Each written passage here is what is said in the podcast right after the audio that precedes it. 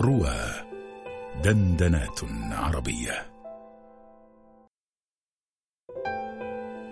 عندما تغير عمر بن الخطاب مقال للدكتورة هبة رؤوف عزت بصوت الراوي محمد توفيق.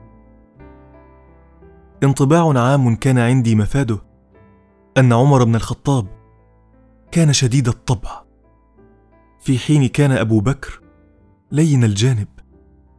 ومكثت مع حبي للصحابة كلهم رضوان الله عليهم جميعا. أشعر بالرهبة من ذكر عمر. وأتوقف أمام شدته مع النساء. فلا يخفف من رهبتي إلا خلق رسول الله صلى الله عليه وسلم العطوف وترفقه بهن. فتهدأ نفسي وتسكن في جوار رسول الله صلى الله عليه وسلم. لكن مع تقدم العمر ومتابعة الاطلاع بدأت أقترب أكثر من سيرة عمر بن الخطاب رضي الله عنه لأكتشف أن الصورة التي كانت في ذهني عنه غير صحيحة وأن عمر بن الخطاب عبر مسيرته في دروب الإسلام قد تغير. نعم تغير عمر كما يتغير المسلم حين يقول سمعنا وأطعنا ويقدم حكم الله ورسوله على طباعه وميوله. ابن ثقافته. كان عمر قويا عزيزا لكن قوته لم تقف حائلا بينه وبين اتباع أعراف قومه. فوأد عمر ابنته قبل الإسلام. وعندما علم بإسلام أخته لطمها لطمة أطارت قرطها من أذنها. إلى أن شهد عمر بن الخطاب أن لا إله إلا الله. وأن محمدا رسول الله. ومنذ تلك اللحظة تحول عمر وتغيرت عبر السنين طباعه. فنجد في بداية المسيرة عمر الذي يغار لا على نسائه وحسب بل على نساء رسول الله صلى الله عليه وسلم. فيسأل النبي أن يحجب نساءه. وتنزل الآيات المحكمات بذلك. فلا يهدأ عمر بل يلقى السيدة سودة بنت زمعة وهي في الطريق لا يظهر منها شيء فيقول لها عرفناك يا سودة. وكانت جسيمة فتشكو للرسول صلى الله عليه وسلم.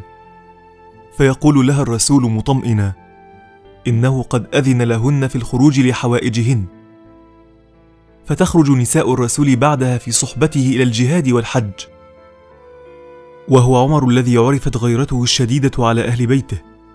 حتى ذكر رسول الله صلى الله عليه وسلم له يوما أنه عندما عرج به مر ببيت في الجنة فسأل لمن هذا؟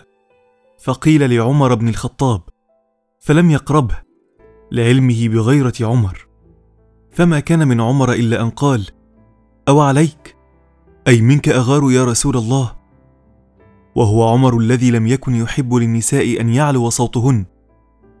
استأذن على رسول الله صلى الله عليه وسلم وعنده نسوة من قريش يكلمنه ويستكثرن عالية أصواتهن.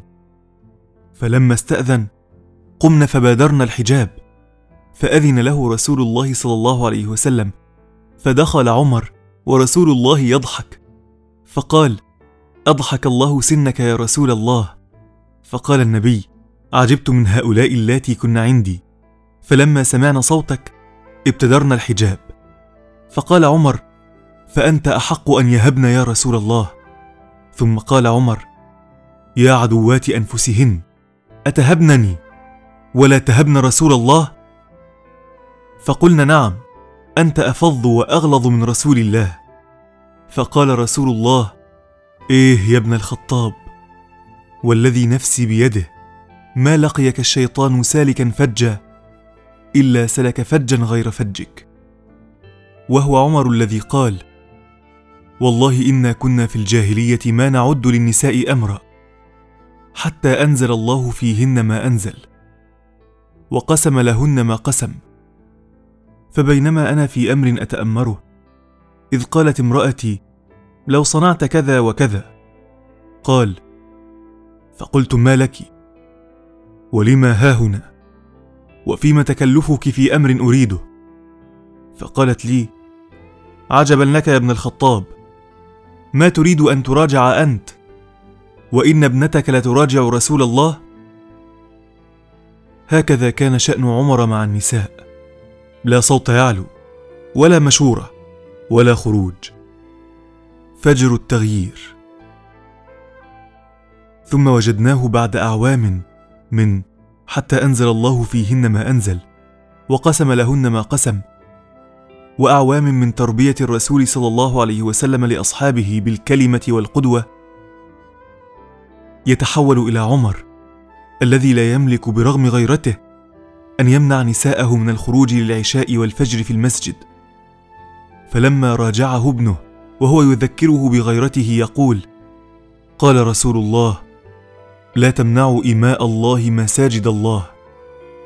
ويصبح عمر الذي يقبل أن يعلو صوت امرأة في المسجد ترده إلى حكم الله ورسوله في المهور.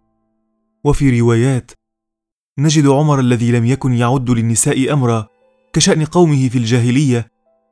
يولي امرأة يقال لها الشفاء حسبة السوق.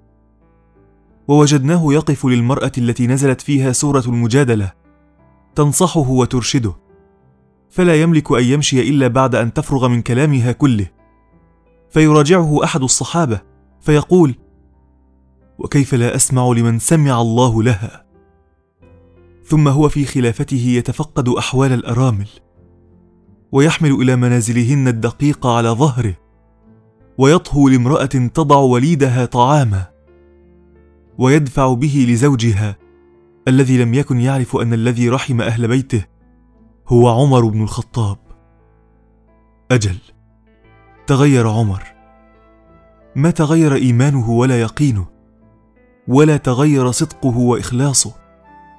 ظل عمر الذي يتجنب الشيطان فجة لكن خلقه تغير. صار بالإيمان أرق وألين.